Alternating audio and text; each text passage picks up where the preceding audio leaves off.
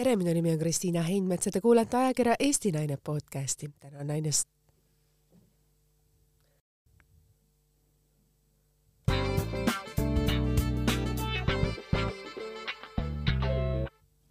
tere, minu nimi on Kristiina Heinmets ja te kuulete ajakirja Eesti Naine podcasti. täna on stuudios naine, keda ma ootan siia stuudiosse juba suvest saadik. tal on väike beebi ja tema elukoht on tihtipeale mitte Tallinnas, vaid Tallinnast väljaspool ja leida seda aega, et temal oleks aega ja minul oleks aega, meil oleks ka vaba stuudio, on olnud suht keeruline. et ma olen väga tänulik, et ta leidis veel enne jõule, kus on siis kõige kiirem periood, meil naiste jaoks aega, et tulla siia stuudiosse ja vestelda siis meie naiste jaoks olulistel teemadel aga mis meid seob temaga, on üks väga eriline asi, et me armastame väga ühte riiki, üks riik, mille, millest on tema välja andnud nüüd raamatu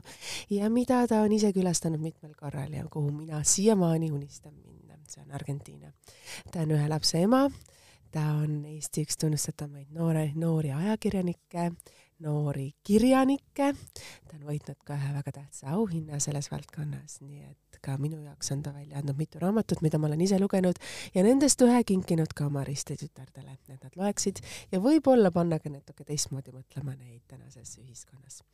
tere tulemast, ühe lapse ema, austatud ja hinnatud kirjanik Eija Uus. tervist meil on juba olnud selline mõningane vestlus siin omavahel naiseks olemise teemal ja jõulude teemal, aga ma alustaksin saadest nii nagu ikka ja alati. Argentiina, miks on Argentiina sinu südames? ähm,? kui, kui ma, kui ma läksin Argentiinasse, siis ma läksin sinna täielikust, täielikust plokist, et ma olin Eestis nagu nii kinni jooksnud, ma olin lihtsalt, lihtsalt sein on ees, kuhugi, kuhugi justkui ei saa minna. samal ajal tuletad endale meelde, et kõik on ju hästi, et mu töö väga mulle meeldib, mul on nii lahedad sõbrad, mul on äh, kõik võimalused siin teha ja, ja, ja lihtsalt millegipärast oli, oli pöörane äh, pöörane, pöörane nagu seiskumistunne. Ja siis äh,, siis ühel päeval täiesti tühja koha pealt sain aru, et hm, ma pean minema Buenos Airesesse. Ja, ja, ja niimoodi, et niimoodi, et, et tol hetkel ma ei teadnud, ma ei teadnud, miks või just sinna, et et ja kui ma kohale jõudsin, siis äh, see oli lihtsalt imeline koht minu jaoks tol hetkel, et äh, et äh, nüüd, nüüd mul on miljon põhjust, miks ma armastan Argentiinat ja, ja et ma, ei hakka neid kõiki siin üles loetlema, et lugege mu uuest raamatust. ma pigem küsiksin, et kuidas toimub sellise otsuse vastuvõtmine? mina tunnen, et ma vajan oma aega, ostan lennupileti ja lähen talalala, šalalala, praegu Buenos Airesesse, võib-olla järgmine kord kuskile mujale. see ei ole tegelikult ju lihtne otsus, sest meil on kohustused, meil on ettevõtmised, meil on töölepingud, et kuidas selline asi saab toimuda, et mis oli sinu jaoks kõige keerulisem? Mul, mul vist oligi see, et, et, et ma olin ikka nagu nii, nii, nii lõpus omadega, et ma olin, ma olin kõik asjad ära proovinud, et ma vaatasin hästi palju naljakaid filme ja ma käisin hästi palju trennis ja, ja noh, tegin nagu toredaid asju ja tegin kõike, mis öeldakse, et sööd tervislikult ja magad hästi palju ja alkoholi ei tarbi ja noh, lihtsalt, et, et, et võimalikult hästi ennast vaimselt tunda.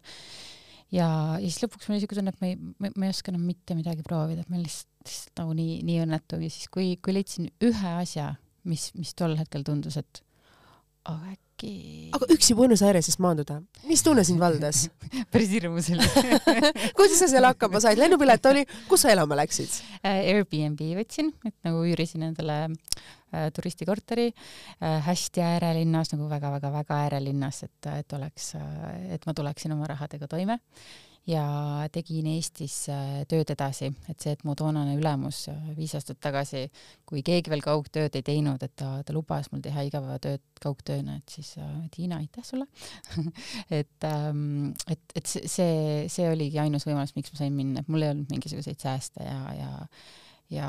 äh, tol hetkel oli, oli niisugune tunne, et ma võin ju ka kõik päevad ainult riisi süüa või, või ainult, ma ei tea, konserve, et, et, et lihtsalt, lihtsalt ma pean minema, et juhtugu, mis juhtub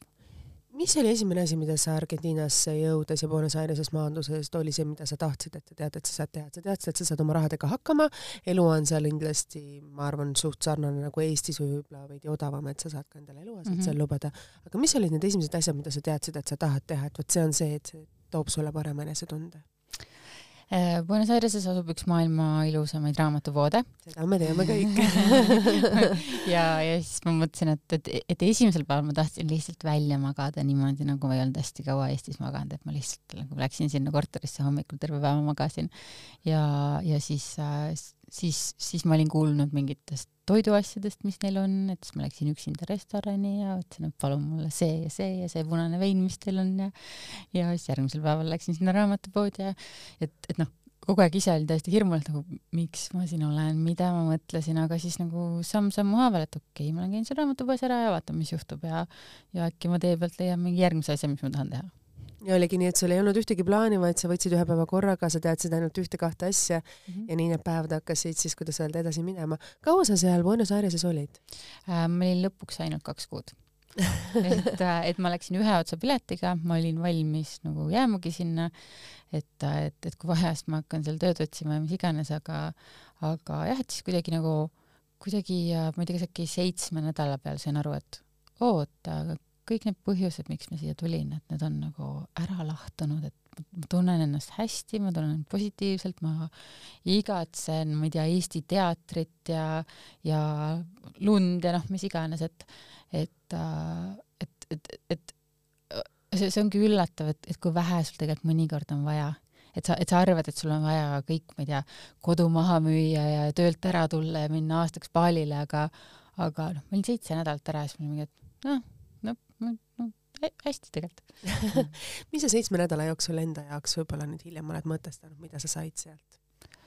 ma arvan, et kõige olulisem oligi see, et, et ma sain aru, et, et väljapääs on alati olemas. et ükskõik, mis olukorras sa oled, ükskõik kui raske sul tundub, nagu neid väljapääse on tegelikult nagu tuhandeid-tuhandeid erinevaid, et ähm, et, et ma, ma arvan, et see on lihtsalt nagu nii-nii oluline. ja teine, teine asi, mis, mis ma seal märkasin, oli see, et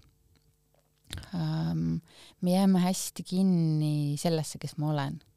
et mina olen Eija, ma olen selline inimene, ma olen kirjanik, ma käin lillelises kleidis kesapõllul äh, luuletusi lugemas, et noh, et, et, et sa raamistad ennast igapäevaselt ära, et noh, ma olen, tänaseks ma olen ema ja ma olen see ja ma olen teinud seda, et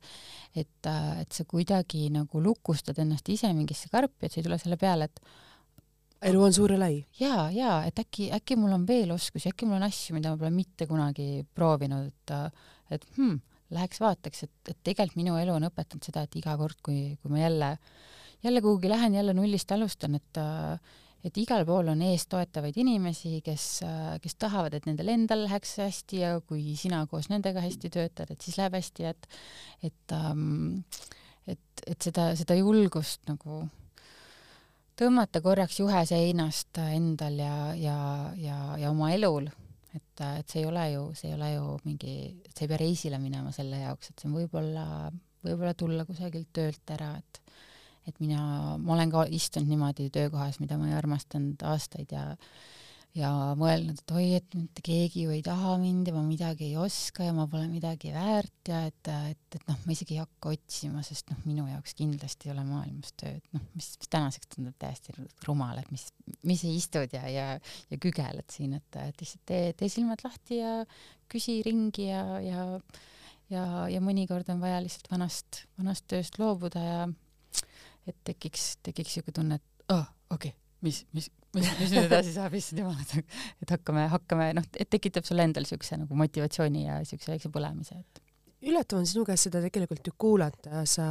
said ju kahekümneaastaselt Eesti ühe tunnustatuma, kuidas öelda, kirjanikupreemia Eduard Ville preemia ja sa tunned, ütled, et aastaid hiljem, kui sa töötasid töökohal, et sa tundsid, et keegi mind ei taha ja ma ei ole nagu piisavalt väärtuslik, et kas ei ole natukene nagu imelik, et kuidas siis tavaline inimene peaks ennast nagu tundma, kellel on võib-olla kordades raskem ja keerulisem kuidagi siin ühiskonnas oma koht päikese all leida? ma ka just, just mingi hetk jõudsin selle äratundmiseni, et, et leidsin, et ma olen aastaid, aastaid, aastaid tundnud, et ma olen väärtusetu ja tundnud, et, et, et ma ei tea, ma, ma olen mõttetu või, või, või ma olen kole või, või mis iganes, onju. ja siis ma mõtlesin, et oota, kui ma vaatan ringi maailmas, ma mitte kellegi kohta mitte kunagi ei mõtle, et näe, vaata, see inimene on väärtusetu. et, et miks, miks see sõna nagu väärtusetu või ebavajalik, miks see on sõna, mida ma ainult enda kohta kasutan? ma tean seda, ma olen seda ise absoluutselt tundnud. Et, et, et miks me, me ju, me ju teisi inimesi ei kategoriseeri, et väärtuslik inimene, väärtusetu inimene. et me ei tule tegelikult ise selle peale ja, ja me ei hinda oma elu selliselt, aga miks me iseennast hindame ja. sinna kategooriasse, mida me tegelikult oma mõttemaailmas ei eksisteeri teiste inimeste jaoks et, et see, see oli minu jaoks hästi-hästi huvitav äratundmine, et, et okei okay,, et ma lihtsalt võtan selle kategooria laualt ära ja ja millal see oli, kui sa nii tundsid? Ma, ma jõudsin ilmselt äh, selle aasta, nüüd, nüüd nagu selle aasta talvel selle äratundmiseni, et ma olen alati nii tundnud. ja, ja olen ka aru saanud, et, et see, mida teised teevad, ei ole oluline, noh, see, et kui keegi annab mulle preemia või kui keegi ütleb mulle, et sa oled nii tore või sa oled nii sõbralik või sa oled nii nagu lahke ja, ja abivalmis ja sa oled nii andekas ja et äh, nad võivad ju öelda neid asju, aga seni, kuni ma ise ei tunne seda, seni ma, ma ennast ikkagi niimoodi vaimselt surun alla, et et siis ise, et, et, et sa pead endas jõudma selle muutuseni. kus sa ise arvad, kust see tunne tuleb, kes võib-olla sulle tekitab seda tunnet või sa ise tekitad seda tunnet endale, et sa tunned ennast alaväärtusena ähm,? jah, eks, eks see on, see on asi, mida, mida sa võid, võid teraapias hakata, hakata uurima ja, ja noh, mul, mul ka terapeut ütles, et, et nii, et noh, siin on kaks asja, mis teha, et, et me võime kas minna süvitsi, hakata su lapsepõlvest taga otsima seda, et, et ma ikkagi mäletan seda väga, väga noorest east seda tunnet, et ma mäletan seda põhikoolist saati ja noh, et väiksena, väiksena ma tundsin ennast äh, lasteaias, koolis kiusatuna ja, ja võib-olla sellest äh, noh, sellest juba tekib see niisugune nurkasurutuse tunne ja et ma ei, ma ei, ma ei ole nii tugev kui teised ja ma ei ole nii tubli kui teised ja nii edasi, et et aga siis terapeut ütles ka, et või siis on äh, teine variant, et me ei süvene sellesse, et, miks sa nii tunned, me lihtsalt muudame ära selle, kuidas sa tunned, et, et, et jah, et mõlemat pidi sa, sa jõuad kuhugi ja, ja et enda valik kumma valiku sa tegid? ma vist tol hetkel ütlesin, et, et jah, praegu on tähtis edasi minna, mitte, mitte minevikus tuhnida, et, et äh, noh, ka kindlasti üks väga-väga-väga-väga suur asi, miks see sai juhtuda, oli see, et ma eelmisel aastal sünnitasin tütre ja, ja kusagilt vist nägin lauset, et äh, kas sa enda lapsega räägiksid nii, nagu sa endaga räägid ja mul käis siuke nagu õuduse võdin läbi, sest ma mõtlesin, et appi, kuidas ma endaga räägin, et ma ikkagi nagu igapäevaselt noh, ma ütlen nii halvasti endale, mingisugune väike asi läheb valesti, ma ei tea, piimaklaas läheb ümber sul on laua peal on piim ja siis, siis mõttes juba ütled endale nagu fucking kobakäpp, et nagu sa ei saa üldse millegagi hakkama, et kuidas sul ja siis, siis mõtlen, et appikene täiesti suva, et sul mingisugune asi juhtus, läks, läks halvasti, et, et äh, et see, see, see tõesti, tõesti nagu see, see ehmatus, et, et, ma lapsega mitte kunagi ei räägi nii, ühegi teise inimesega ei räägi nii, ma ei ole kellegi vastu kunagi julm, ma olen alati julgustav, motiveeriv, inspireeriv, et äh, miks ma endale nii hea sõber ei ole, kui ma teistele inimestele olen? sealt oli päris keeruline välja tulla ja, ja et, et eks ma ikka märkan veel seda, et, et ma olen nüüd mitu kuud nagu tegelenud sellega ja, ja noh, ikkagi kui, kui sa oled mingi paarkümmend aastat endale seda refrääni, refrääni kuidagi laulnud, et, et äh, mis, mis noh, milline ma olen ja siis hakata endale meelde tuletama, et kuule, et tegelikult sa oled päris tubli, sa oled päris lahe, sa oled okei okay,, sa oled, sa oled hea sõber, sa oled hea ema ja sellest juba piisab, et äh, et äh, see on, see on kindlasti teekond ja, ja,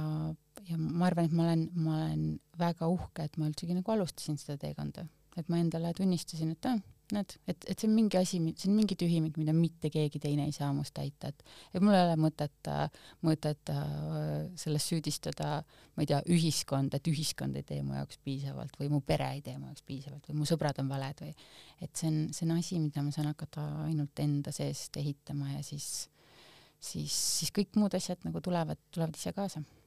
Lapse sünd muudab meid naisena väga palju, sa ise ütlesid ka, et me hakkame võib-olla endale esitama rohkem küsimusi, kas me tahaksime, et meie laps elaks sellist elu, nagu me tahame. see oli näiteks üks küsimus, mida mina oma tütre puhul elas, noh, esitasin, et kas minu jaoks on okei okay,, kas minu jaoks on sobilik, kui minu tütar oleks minu asemel minu elus. ja mida rohkem neid ei-si hakkas tulema ja situatsioonides, mida, millega ma olin kuidagi harjunud ja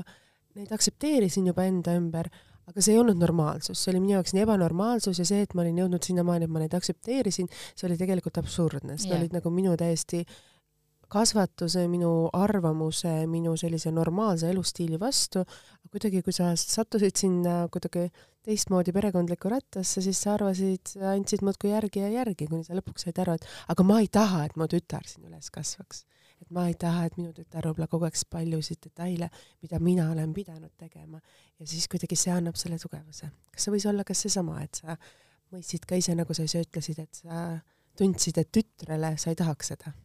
ja, ja, ja et, et, et, et noh, tõesti mõelda va, vaatad seda täiuslikku pisikest pampu ja. ja siis sa mõtled, et kui, mõtle, kui ta hakkaks, ma ei tea, seitsmeaastasest peale endale ütlema, et oi näed, mul läks flöödimäng sassi, ma ei saa millegagi hakkama, ma olen nii mõttetu, ma olen nii, keegi ei taha mu sõber olla, et et, et siis, siis saad aru, et, et appi, kuidas ma kuidas ma olen suutnud äh, nii, nii halb iseenda vastu olla ja, ja noh, mul oli ka hiljuti oli, oli üks sarnane, sarnane kogemus, et et mingisugune seltskond väga toredaid inimesi, aga kus, kus tihtipeale õhtu edenedes tulid jälle jutuks igasugused asjad, et igasugused õudsed asjad, mida, mida naised teevad ja mingid, aa, naised, ma ei tea, ütleb, et, et ma magasin, et, et see mees tahtis minuga magada ja siis selle peale nõudis mingid rahad välja ja nii edasi, et, et tänapäevase ahistamise ja ahi, ahistamisolukordade äh, äh, rahva ette nagu toomise, toomise teema näiteks, et, et äh, ja siis ma olin nagu aastaid selles seltskonnas, vaatan, et aa jälle okei okay,, kell on õhtul kell kümme, kõik on palju veini joonud, et ma las, noh, pole minu asi, et, et mina, mina ei hakka neid täiskasvanud äh, mehi ümber kasvatama, et, et noh, ma lihtsalt lähen lauast minema. ja siis nüüd märkasin, et kui nad hakkavad mulle rääkima, et, et umbes, et et, et seda naist ahistati, et aga noh, vaata, mis tal seljas oli või et noh, vaata, kuidas ta ise käitus ja, ja siis ma sain aru, et, et appikene, et kui mina ei muuda seda maailma, et kui mina ei seleta nendele meestele seda, et, et need, nendel on endal tütred ja, ja tütretütred, et, et, et kui, kui, kui, kui, keegi ei seleta neile seda, siis kuidas nad saavad sellest aru? ja ma nüüd mu eelmise raamatu tüdrukuna, et, et miks, miks ma kirjutasin kõikidest nendest teemadest, oligi see, et aga kui keegi sulle seda ei räägi ja kui kõik lubavad sul püsida selles mullis mm, -hmm. mis sa oled oma vanaisalt kaasa saanud, oma isalt kaasa saanud, oma, ma ei tea, koolist või sõjaväest kaasa saanud, et et, et noh, et, et ma tean, et ma ei muuda kõigi meelt, kaugeltki mitte, aga et kui vähemalt paar inimest saab aru, milles probleem on, siis see on juba päris suur samm selleks, et, et midagi saaks muutuda paremaks äh, tuleviku Eesti naiste põlvkondade jaoks. võib-olla ei usu, et nendes meestes võib-olla väga palju midagi muutub seda on keeruline teha, et see peab nendes iseendas tekkima, et nad tahavad seda oma arvamust muuta, aga me saame ise öelda oma arvamuse välja ja kui nad mõistavad, et me ei aktsepteeri neid sellisena ja me ütleme neile ei ja nad ei ole enam osa meie elust, siis see on nende otsus edasi ja meie ei pea nendega suhtlema, et see on mõnes mõttes ainuke asi, mis me saame teha.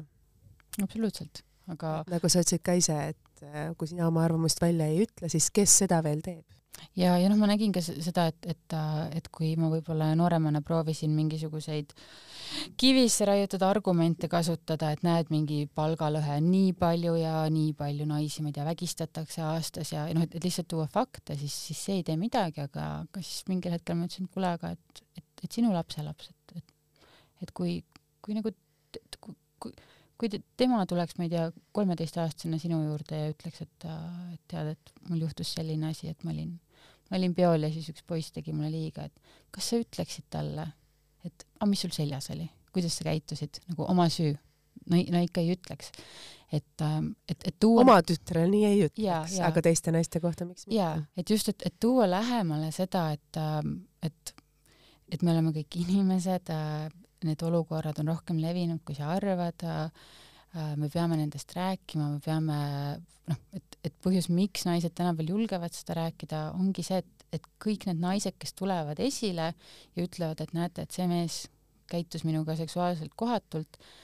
siis ta ei tee seda selleks, et ise kuulsaks saada, vaid ta teeb seda selleks, et see ühegi teise naisega ei saaks enam juhtuda. Et, et mingisugused teised naised ei oleks nii naiivsed, et nad lähevad temaga näiteks kinnisesse kabinetti või, või äh, temaga tööreisile või, või mis iganes, et,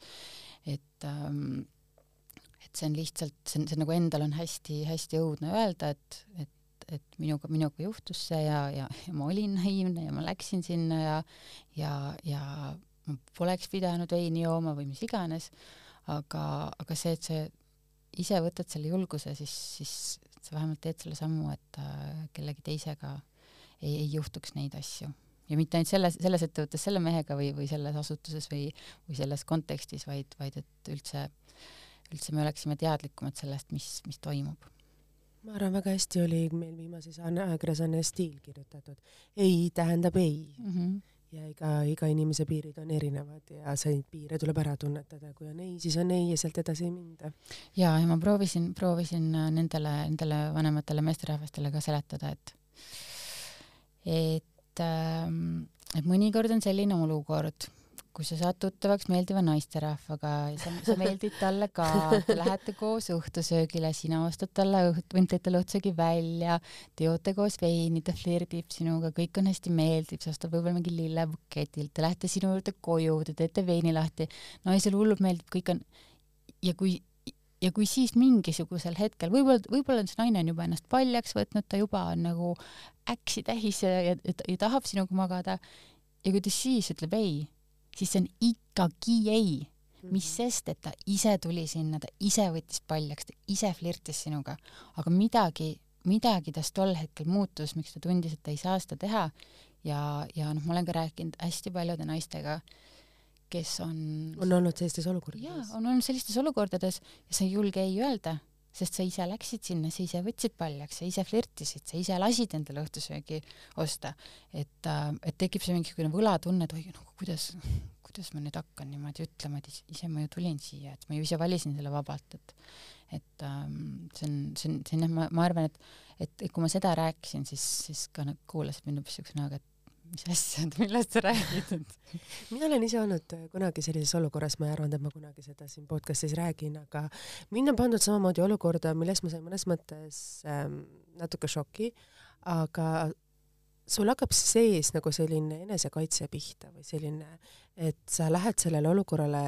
kaasa, sa ei julge öelda ei mm, -hmm. sest need inimesed, kes sind panevad sellesse olukorda, nad on väga suurel võimupositsioonil. just ja see, et kuidagi see inimene kasutab sellist asja, sa ei tule elu sees selle peale. Mm, -hmm. sest noh, minu puhul ei olnud mingisugust flirti, ei olnud mingisugust asja, ta oli minu, kuidas öelda, hea sõbranna isa mm.. ja noh, sa ei tule elu sees selle peale, kuigi noh, ütleme niimoodi, meie suhtlus oli teisel tasandil, tööalasel tasandil ja sa nagu võtsid nagu väga naiivselt ja rumalalt seda. Ja kui sind pandi sellesse olukorda, siis su ainukene mõte oli sealt pääseda eluga mm. -hmm. ja kui sa hakkad vastu, siis sa teadsid kuidagi, et sa võib-olla paned ennast kuidagi kompromiteerivasse olukorda, võib-olla mängida kaasa ja esimesel võimalusel see kuidagi mm -hmm. ära pääseda mm, -hmm. et võib-olla see on kuidagi see, et see, kuidas sa olukorda lahendad, see on igal inimesel väga erinev ja seda nagu kuidagi öelda, et see nüüd on õige või see on nagu vale käitumine, on teistmoodi, aga samamoodi noh, ka mina, ma teadsin neid olukordi, et need võivad ette tulla, aga sa elu sees ei, kui sa satud sellesse, sa ei tule elu sees selle peale, et sa kuidagi oled iseennast nagu pannud sinna või sa oled ise teinud, et ma olen ka rääkinud inimestega, inimesed on samamoodi öelnud, et aga sa ise tegid, sa ise läksid. Aga see, ma ei teadnud seda. mul olid silmad kinni, mind pandi olukorda ja mul oli ja ma ei julgenud liigutust teha, ma läksin selle asjaga kaasa, ma ei julgenud ei öelda mm. -hmm. et justkui sa oled nagu nii noor, naiivne, ma olin siis tollel ajal kahekümne aastane, et äh, sa oled seal sees ja sa tead, et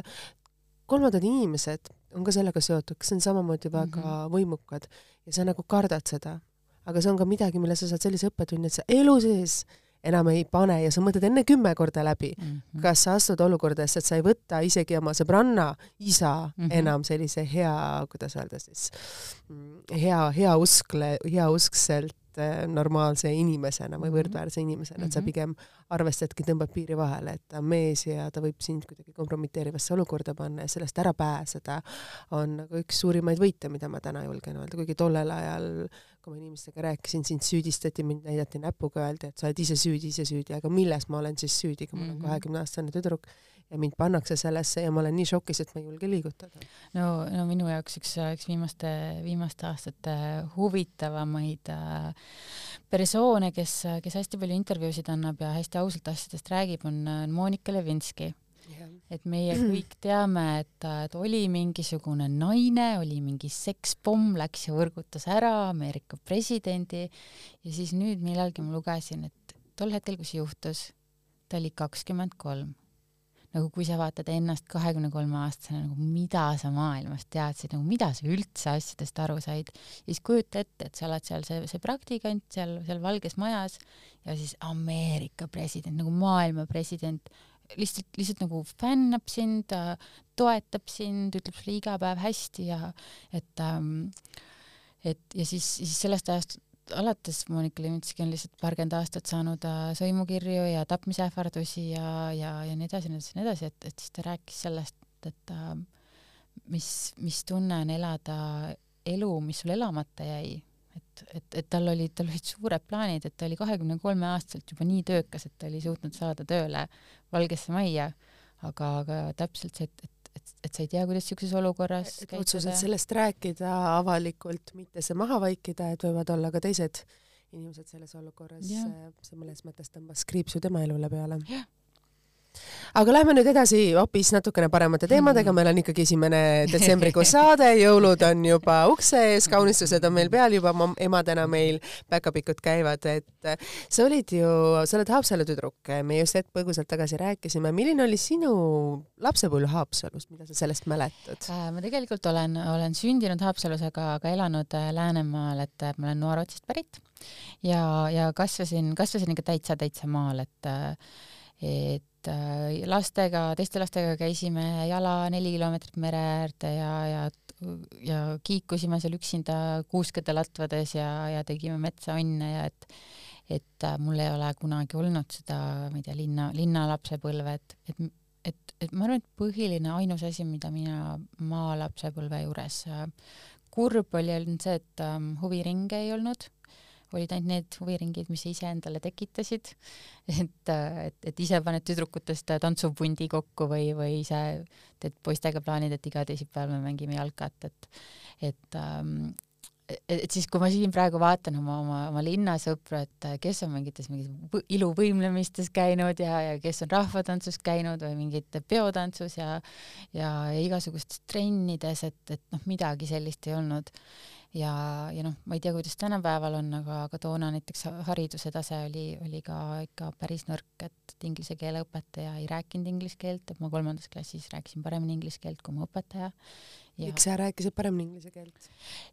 sest äh, mul oli Cartoon Network ehk siis ah. multikakanal, ma õppisin, ma, ma vaatasin nii palju multikaid, et, äh, et ma sain, sain hästi, hästi inglise keelest aru ja mul oli hea hääldus aga, aga et noh, ka see oli miski, mille pärast nagu õpetaja mind, mind narris ja kiusas ja siis, siis ka nagu teised lapsed ja et, et, et kuidagi, kuidagi et, et ma tean, et Tallinnas, Tallinnas on näiteks eliitkoolid või Tartus on eliitkoolid, kus, kus justkui eesmärk ongi olla tubli, ongi hästi õppida, aga, aga et meil oli, meil oli väga tugevalt see kultuur, et, et ära paista silma ja ära ole kuidagi, kuidagi hea, et, et, et peaaegu nagu uhkuse asi oli, oli poistel istuma jääda ja ja et ähm, on päris kurb tagasi, tagantjärgi mõelda ju. jaa, et see, et, et noh, ma, ma, ma ise ka, ma, ma loodan, et, et ma olen kõigile oma toonastele õpetajatele öelnud palun vabandust, et, et, et, et et me ei, me ei, et ma ei respekteerinud oma õpetajaid piisavalt, et ma ei, ma ei saanud aru, kui head tööd nad teevad, kui suurt tööd nad teevad. et ähm,, et me ikkagi olime siuksed, noh, eriti teismelistena mingi, et vah, milleks meil seda vaja, mingi õpetaja on mõttetu, et, et ähm, et äh, aga, aga ma arvan, et, et see ikkagi tekitas mulle, minus endas selle, et äh, et mul, mul tekkis suur huvi, huvi teada saada asju, et ma koolist ei saanud neid vajalikke teadmisi ja siis ma, ma leidsin, et ma pean ikkagi need mingid asjad ise, ise teada saama ja mingid asjad ise välja uurima, et et noh, minu puhul lõpp hea, kõik hea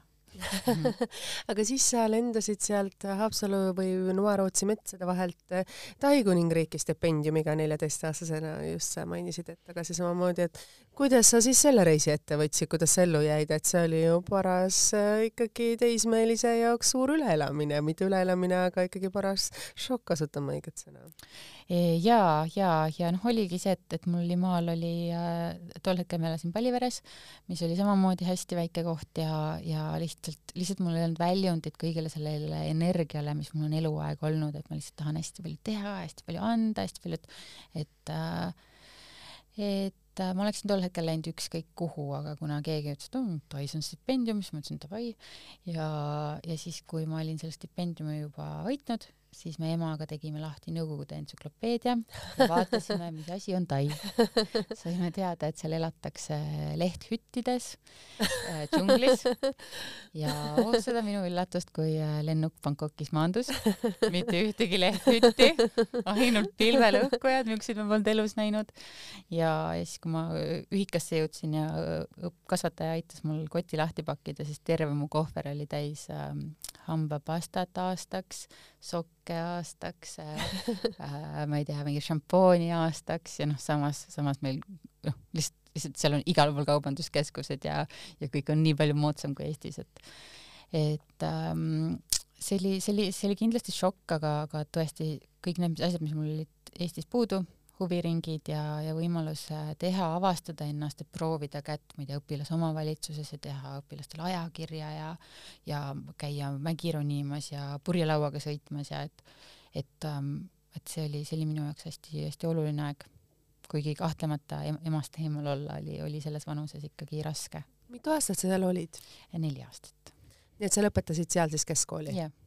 mida sa ise sellest perioodist kõige rohkem mäletad? Ähm, kindlasti su toitumisharjumused muutusid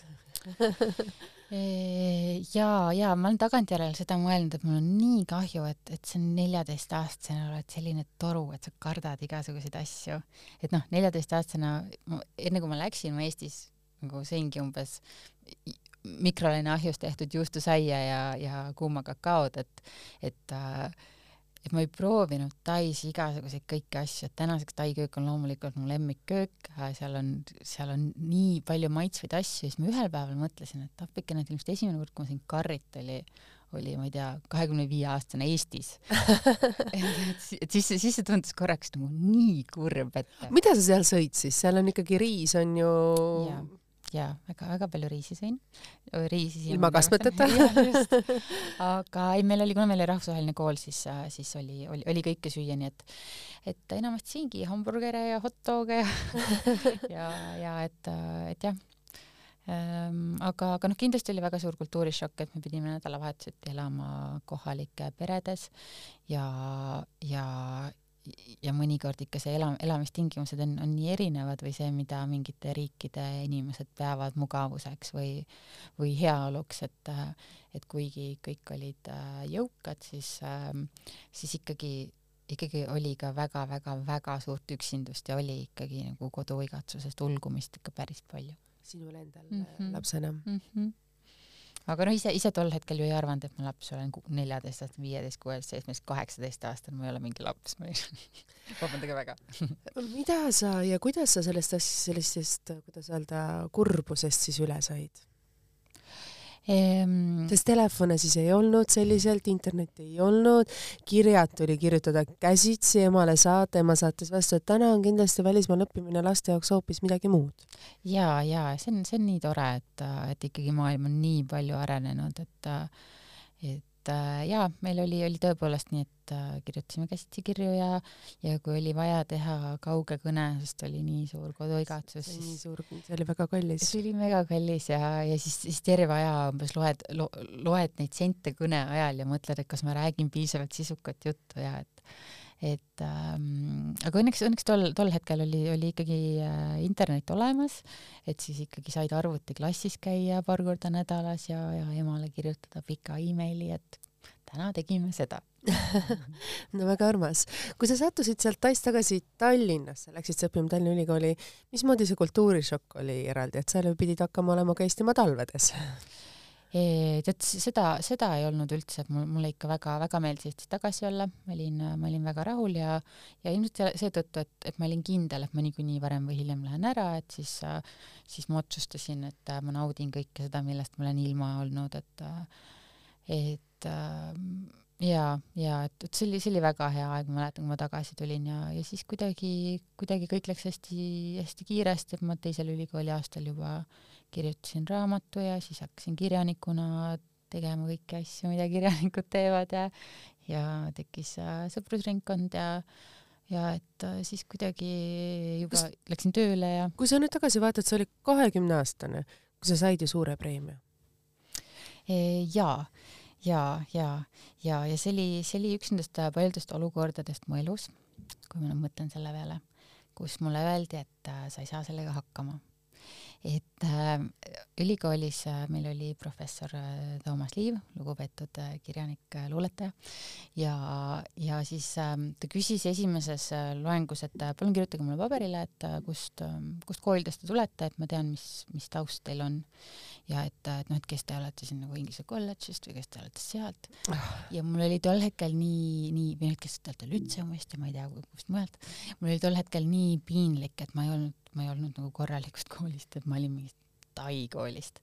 ja siis selle asemel kirjutada koolis, ma kirjutasin teie uus tulevane kirjanik. ja, ja siis noh, ta ilmselt ei saanud kunagi teada, kes, kes, kes ma olen, aga, aga ta, ta ütles, et noh, ma ei tea, kui siin mõni ennast kirjanikuks peab, et siis pange ennast proovile, et ta noh, kuidagi ta, ta hästi-hästi nagu õudselt niimoodi norises nagu tunnist tundi, ma ei tea, et keegi siin arvab, et tema on kirjanik ja, ja ütles, et noh, proovige siis kirjutada romaanivõistlusele, et tähtaeg on kahe kuu pärast. ja siis ma mõtlesin, et davai eks ma siis proovin ja, ja, ja kirjutasingi ülikooli kõrvalt niimoodi selle esimese romaani ja see, see läks väga paljudes koolides kohustuslikuks kirjanduseks. see müüdi hästi ruttu läbi ja, ja noh, ma olin ise ka šokis, sest ma, ma olin alati arvanud, et kirjanikud on vanemad meesterahvad habemega, prillidega, tõsised ja, inimesed. ja, ja et, et, et ma, noh, ma absoluutselt ei arvanud, et, et, et tüdruk, noor tüdruk saab olla, saab olla kirjanik, et, et ma arvan, et ma olin ka esimesed kümme aastat niimoodi, ei, ei, mis nüüd mina, mis nüüd mina, et ei, ei, ma olen siin lihtsalt neli raamatut kirjutanud, aga ei, noh, ma ei, ma ei ole siin mingi kirjanik. see on kuidagi, tagantjärgi, kas sa mõtled, et tegelikult see oli ju vale, et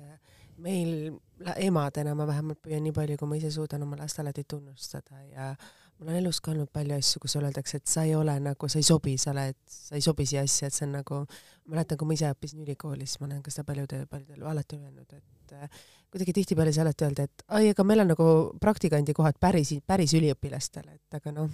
olles ise tuntud ja noh, kindlasti võib-olla olles esinedes mingites reklaamides, mille eest ma tasusin ka mõningalt ka oma kooliarveid ja käisin moeetendustel, see oli osa minu tööst, et ma kasutasin oma välimust, et siis kuidas mhm. öelda, tekitada endale sissetulekut kooli kõrvalt, siis kuidagi öeldakse, et ei, ei, et meil on ikka päris üliõpilast, et sa nagu ei ole päris üliõpilane mm, -hmm. et aga see annab sulle mõnes mõttes sellise teistmoodi lükke elus, et kui sulle seda veel kord öeldakse, siis sa suudad alati tõestada need äh, ümber, et sa nagu tahad seda teha, nagu sa ütlesid, et sa samamoodi ütlesid, et aga ma siis katsetan romaani jaa, et, et ma arvan, et väga tihti, väga tihti on, on tegelikult mul elus olnud seda, ma mäletan ka seda teismelise east, et, et kui öeldi, et äh, sina küll sellega hakkama ei saa, siis mul oli niisugune tunne, et vaata mind see on kuidagi kius, et ma saan sellega küll hakkama, kui ma selle võtan vastu ja sina ei ole see, kes ütleb mulle ei. ja mul tuleb praegu meelde, et, et ma olin, ma olin kolmeteistaastane, kui kui mu äh, insenerist kasuisa iga kord, kui ma füüsika kodutööd ei osanud, siis ta hakkas narrima, et jah, jah, et noh, blondiinid ju ei oskagi või et, või et äh, et naiste loogika lõpeb sealt, kus meeste oma algab ja, ja, ja siis ajas mind nii marru ja siis, kui oli, kui oli võimalik aasta lõpus valida üks eksam, äh, et ükskõik mis aines võisid kaheksandas klassis teha,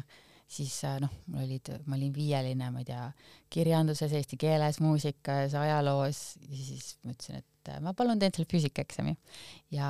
õppisin nagu segane, õppisin kuude viisi, see oli minu jaoks nii-nii raske, aga tõin selle hinde koju, tänapäevani märg-, mäletan oma kaheksanda klassi füüsikaeksami küsimusi, et, et, et, et see oli, see oli minu jaoks, et noh, mul, mul täna, täna on nagu hea meel, et ta, et ta niimoodi nagu,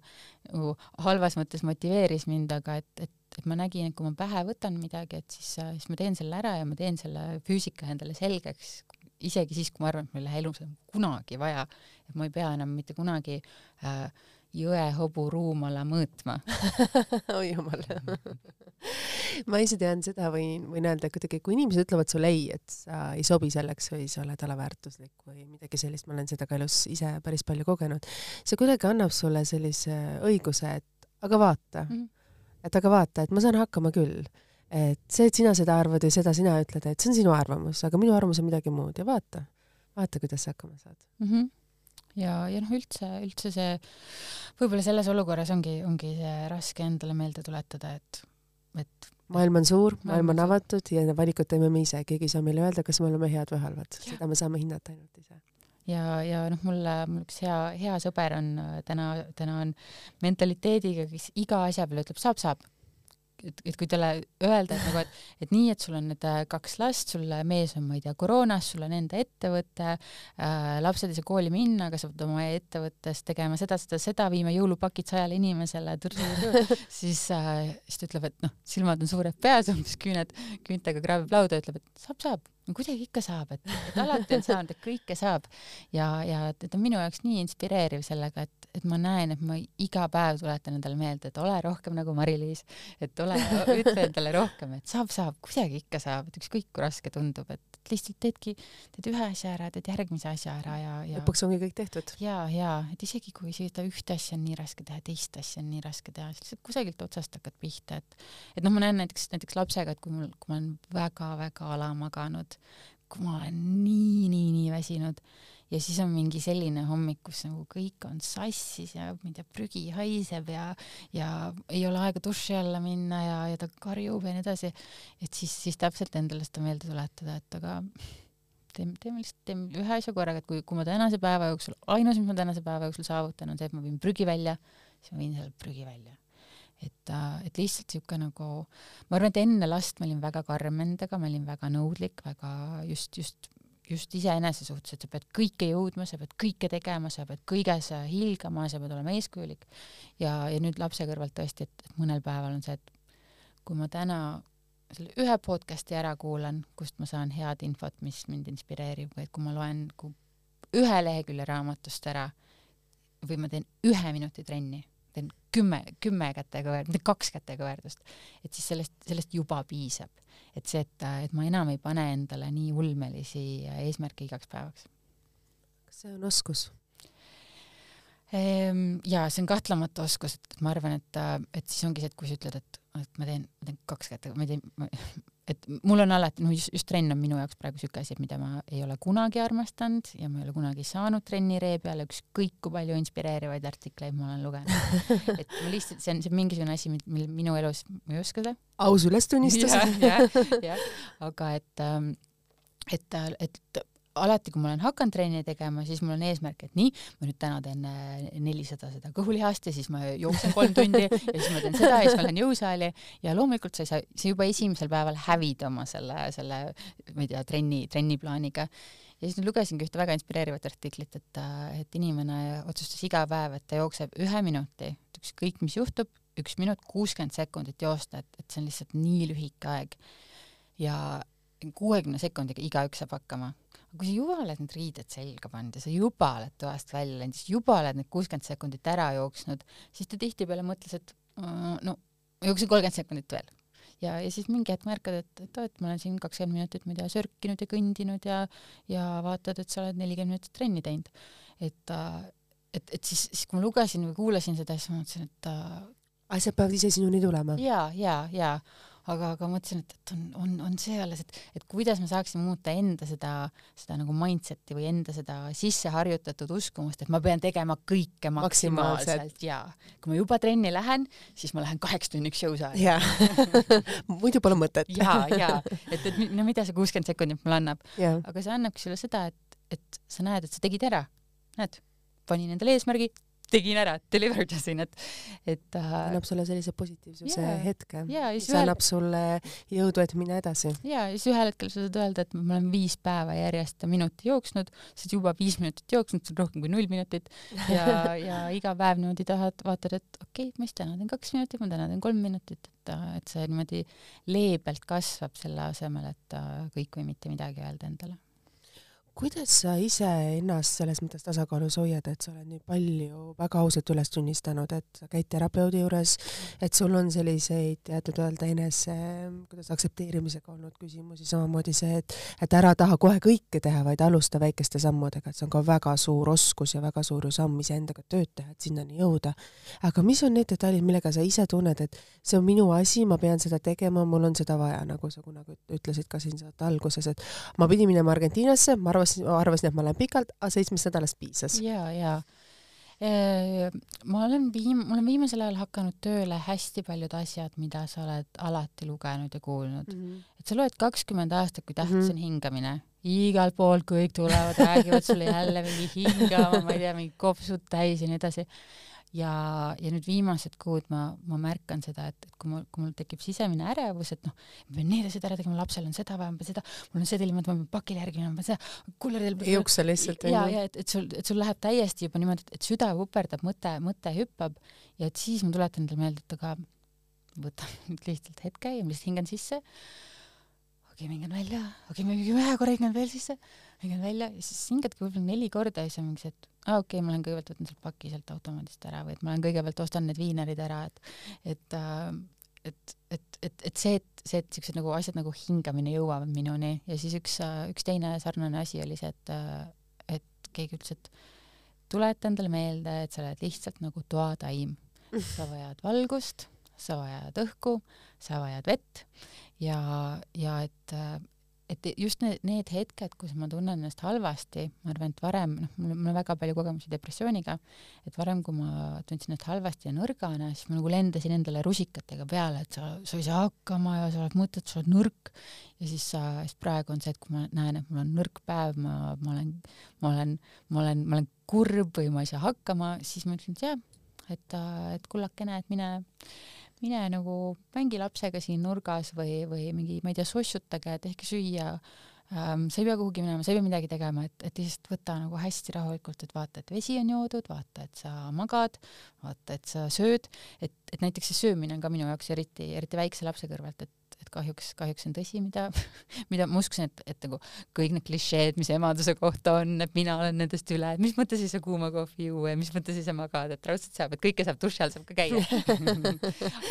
Et, et nüüd, nüüd näen, et, et tõepoolest, et et ma ju lapse, lapse eest niimoodi hoolitsed, vaatad, et lapsel on täpselt mingi iga kolme tunni tagant on kõht täis ja et lapsel on kõik magamised magatud ja ja juuksed kammitud ja puhtad riided seljas ja siis äh, siis ennast jätad täiesti unarusse, et, äh, et, et see, et ma pean endale meelde tuletama, et kui mul on paha olla, siis mm, kas sa söönud oled täna? noh, et mingisugused sellised, sellised elementaarsed asjad.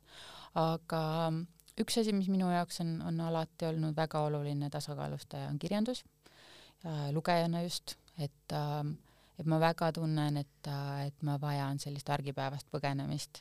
ja ma, ma ei ole võimeline krimkasid lugema, sest ma, ma, ma ei, ma ei saa aru, miks, miks keegi peaks enda ellu tahtma mõrva ja pinget ja nii edasi. et kui, äh, kui ma tunnen, et mul on midagi puudu, et siis ma pigem, ma ei tea, loen Harry Potterit või, või mingisuguseid noh, ilusaid asju, et, et romaaniklassikat või et sa lihtsalt korraks unustad ära enda elu ja enda probleemid ja lähed, lähed kellegi teisega seiklema, et et äh, ma nüüd hiljuti just, just lugesin kahte, kahte romaani, mis mulle väga meeldisid, oli Edith Whartoni äh, Rõõmukoda, mis just ilmus, ja siis teine oli ähm, Jodie Smithi Ma vallutan lossi. et, et olidki siuksed nagu, ma ei tea, sada, sada viiskümmend aastat tagasi naiste poolt kirjutatud romaanid, täiesti teine aeg, täiesti teised mured ja, ja, ja kuidagi, kuidagi lähed sinna kaasa ja lähed nendega sellisele rännakule, et et äh, noh, lapse kõrvalt loomulikult seda aega, kus sa istud paberraamatutega ja loed seda, ei, ei ole eriti. et siis ma olen ka väga palju lihtsalt kuulanud audioraamatuid, et aina, aina paremaid platvorme tehakse selle jaoks ja ja varsti on jälle Eestis üks uus, üks uus audioraamatute platvorm tulemas, et et on tekkinud see harjumus, et kui ma lähen jalutama või, või teen süüa, et siis, siis lihtsalt keeruline võtta tavaline raamat kaasa, aga podcasti kuulata on ka väga hea, nagu sa enne mainisid. täpselt, jah. aga sa mainisid depressiooni mingi hetk tagasi, et kas sa oled seda ise kogenud? jaa, jaa. millal see oli äh,? mul esimene depressioon, väga sihuke raske oli, oli kuueteistaastasena Tais ja siis äh,, ja siis kümme aastat oli mul täiesti krooniline depressioon, et äh,, et pigem rohkem depressioon kui mitte.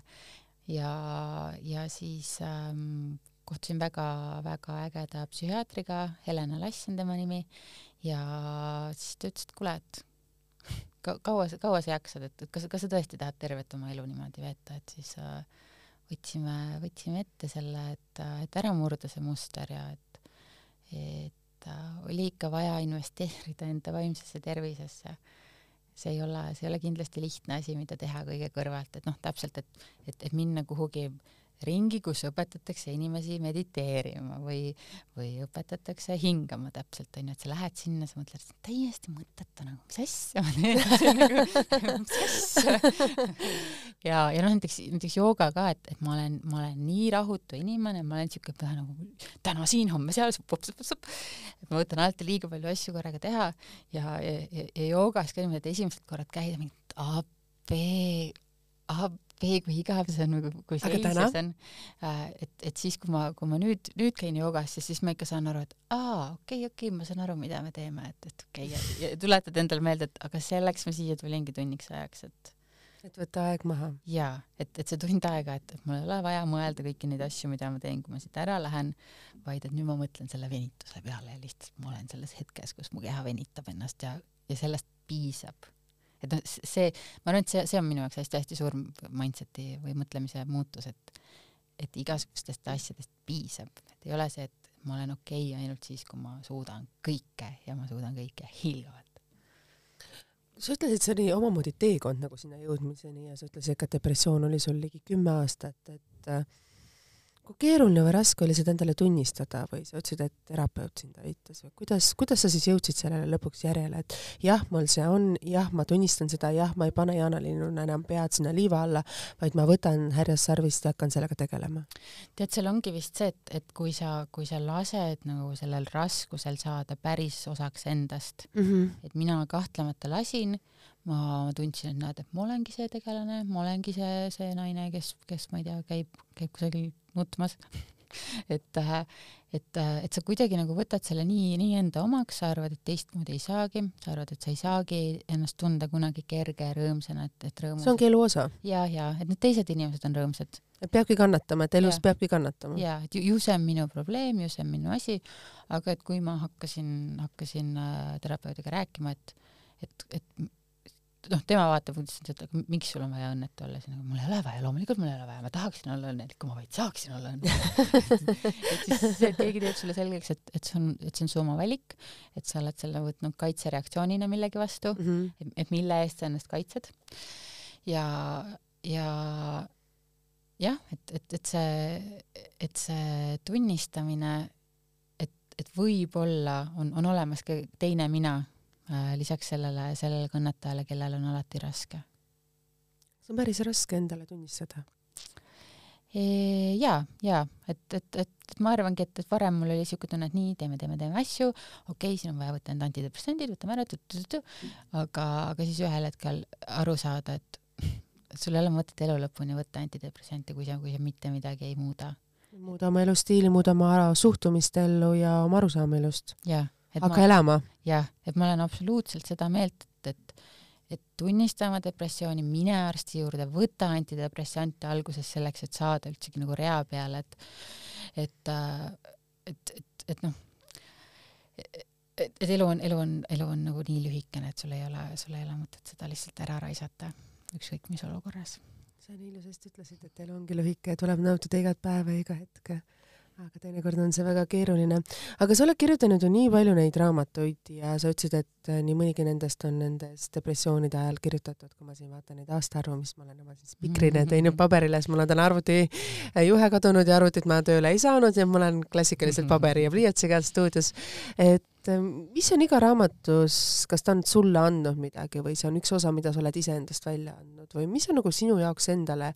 meelde jäänud nende raamatute kirjutamiste juures või üks hetk või iga raamatu juures midagi või mida sa nagu ise kõige rohkem nagu tunnetad um,. kui see tüdrukuga sa juba mainisid, et see on jaa. hästi oluline sinu kui naise jaoks ja sinu kui tütre ema jaoks. jaa um, ma arvan, et Buenos Airese raamatuga nüüd oli, oli see oluline hetk, et äh, ma ju käisin seal viis aastat tagasi mm, -hmm. kirjutasin kohe selle valmis, siis vaatasin, et ah, see raamat ei kõlba kuhugi, panin selle sahtlisse ja siis selle aasta kevadel, kui oli siuke noh, pikalt seal mingi koroonaga jälle, ja jälle mingi terve maailm on kinni, sa kardad, sa muretsed mm -hmm. oma Mhm. lapse pärast, ma ei tea, kuuled järjest, kuidas inimesed on haiged ja siis, siis pole kaks aastat reisimas käinud ja siis ma võtsin oma need vanad äh, päevikud välja ja lugesin, et appikene kui inspireerivad, et, et tol hetkel ma lugesin seda täiesti võõra inimesena. Uh, -huh. ma vaatasin, et appi, et see on nii lahe mõte ja see on nii lahe mõte, et et ma ei ole varem niimoodi en, enda teksti nagu nii võõra pilguga lugenud. Ja, ja et see andis mulle selle tunde, et, et kui minul oli täna vaja, et keegi mulle ütleks neid asju, et siis äkki kellelgi teisel on veel vaja, et, et neile tuletataks meelde neid asju, et et äh, keegi ütles hiljuti just, et see raamat paneb neid enda elusse armuma, et äh, see, see oli minu jaoks, minu jaoks nii, nii, nii oluline ja siis äh, esimene raamat oli mul depressioonist ja ja selle, sellel oli ka väga tagasihoidlik eesmärk, et kui see päästab, kui, kui see aitab kasvõi ühte inimest, siis, siis see raamat on, on enda eesmärgi täitnud mm. -hmm. ja noh, tänaseks viimase, ma ei tea, kuueteist aastaga ma olen saanud nii palju kirju, et see raamat päästis mu elu või see päästis mu lapse elu või see, või see aitas mind või sellepärast ma muutsin oma elu, et et siis ma, siis ma nägin, et, et see on okei okay,, et ma üheksateistaastasena võtsin eesmärgiks, et ma tahan aidata kasvõi ühte inimest, et siis nüüd tagantjärele olen, olen saanud rohkemaid aidata. ja, ja Prantsusmaa raamatuga äh,, minu Prantsusmaa ähm,, see, see algab sellest, et mul oli Eestis äh, nagu päris äge, äge töö reklaamiagentuuris ja, ja kõik oli justkui paigas ja ülikool oli lõpetatud, suur töö oli tehtud ja siis ütlesin, et et ei, et ma nüüd pean minema lapsi hoidma ja, ja kõik ütlesid mulle, et loll oled, täiesti, täiesti, täiesti rumal, et, et sul on, sul on kõrgharidus, sul on töö sellises kohas, kus inimesed nagu unistavad töötada ja sa lähed mingite võõraste laste, ma ei tea, kakat koristama, et noh, täitsa napakas. ja, ja, ja sealt ma õppisingi seda, et, et, et sa, sa ei ole kohustatud järgima seda eluteed, mis, mis sul mingil hetkel kätte satub mida teised arvavad, et on õige. just, et sa võid, sa võid iga kell teha muudatusi, sa võid iga kell oma meelt muuta, sa võid iga kell proovida mingit muud asja, sa võid läbi kukkuda, sa võid nagu, see on okei okay,, kui sa proovid midagi ja hakkama ei saa ja hakkad uuesti nullist, et et ähm, et see, see kahtlemata ei olnud seal kerge aeg, aga, aga see ei tee teda halvaks ajaks, sest mina ikkagi arenesin ja mina ikkagi õppisin ja, ja see on see, mis on päeva lõpuks kõige olulisem sa nägid ka maailma teistmoodi, teise nurga alt. ja, ja absoluutselt. ja noh, nüüd, nüüd ma just käisin, eelmisel nädalavahetusel käisin seda raamatut audioraamatuks lugemas. kui armas. ja ma kirjutasin selle kümme aastat tagasi ja siis oli nii naljakas, et, et ma läksin perre, kus oli väsinud ema oma aastase tütrega ja, täna sa oled ise väsinud oma aastase tütrega. ja kuidas ma siis nagu mingi kahekümne kolme aastasena, kuidas ma teda hindasin. kuidas ma vaatasin, et ta on nii hall, et ta on nii nagu aukuva. no sina hall küll ei ole aga, aga et või noh, näiteks, et ta oli see, see veremaa oli tol hetkel kolmkümmend kaheksa ja tal oli lahutus käsil ja siis ta hakkas käima Pariisi tagasi kolides, hakkas käima pidudel ja date imas ma mäletan või noh, mitte ma ei mäleta, aga et ma lugesin nüüd seda, et kuidas mina olin noorena, issand jumal, kolmkümmend kaheksa ja käisin mööda pidusid.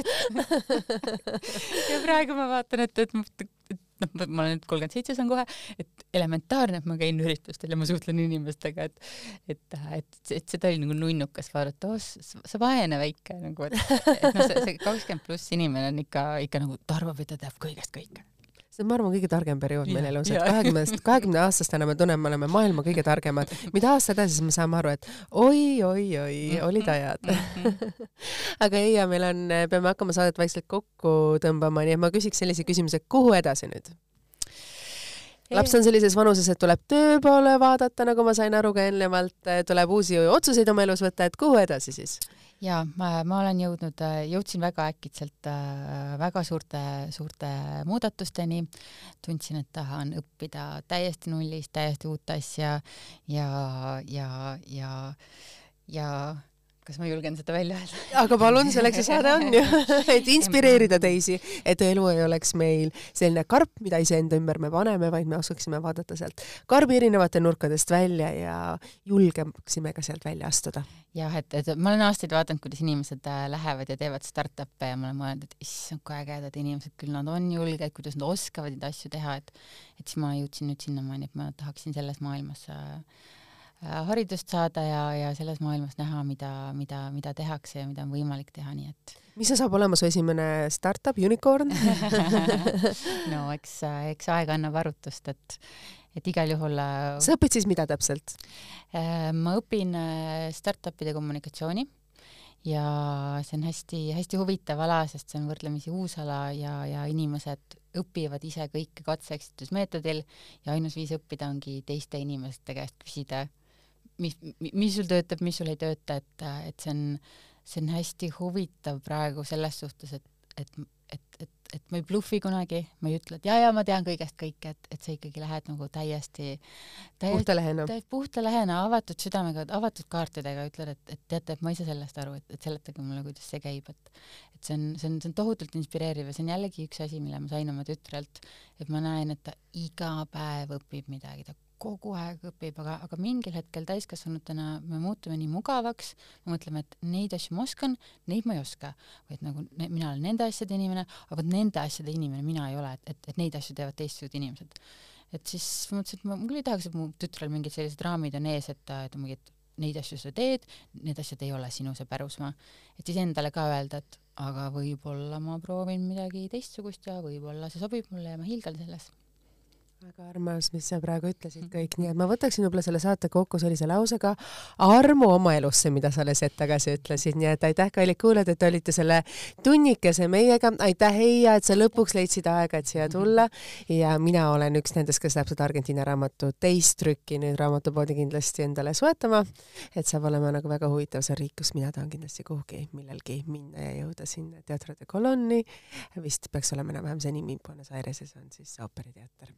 selge, aitäh, kallid kuulajad, veel kord aitäh, Heia ja saade on ikka saadaval nagu Spotify's, Tasku Delfi keskkonnas ja SoundCloudist ja kohtume teiega juba nädala pärast. aitäh teile, kõike head!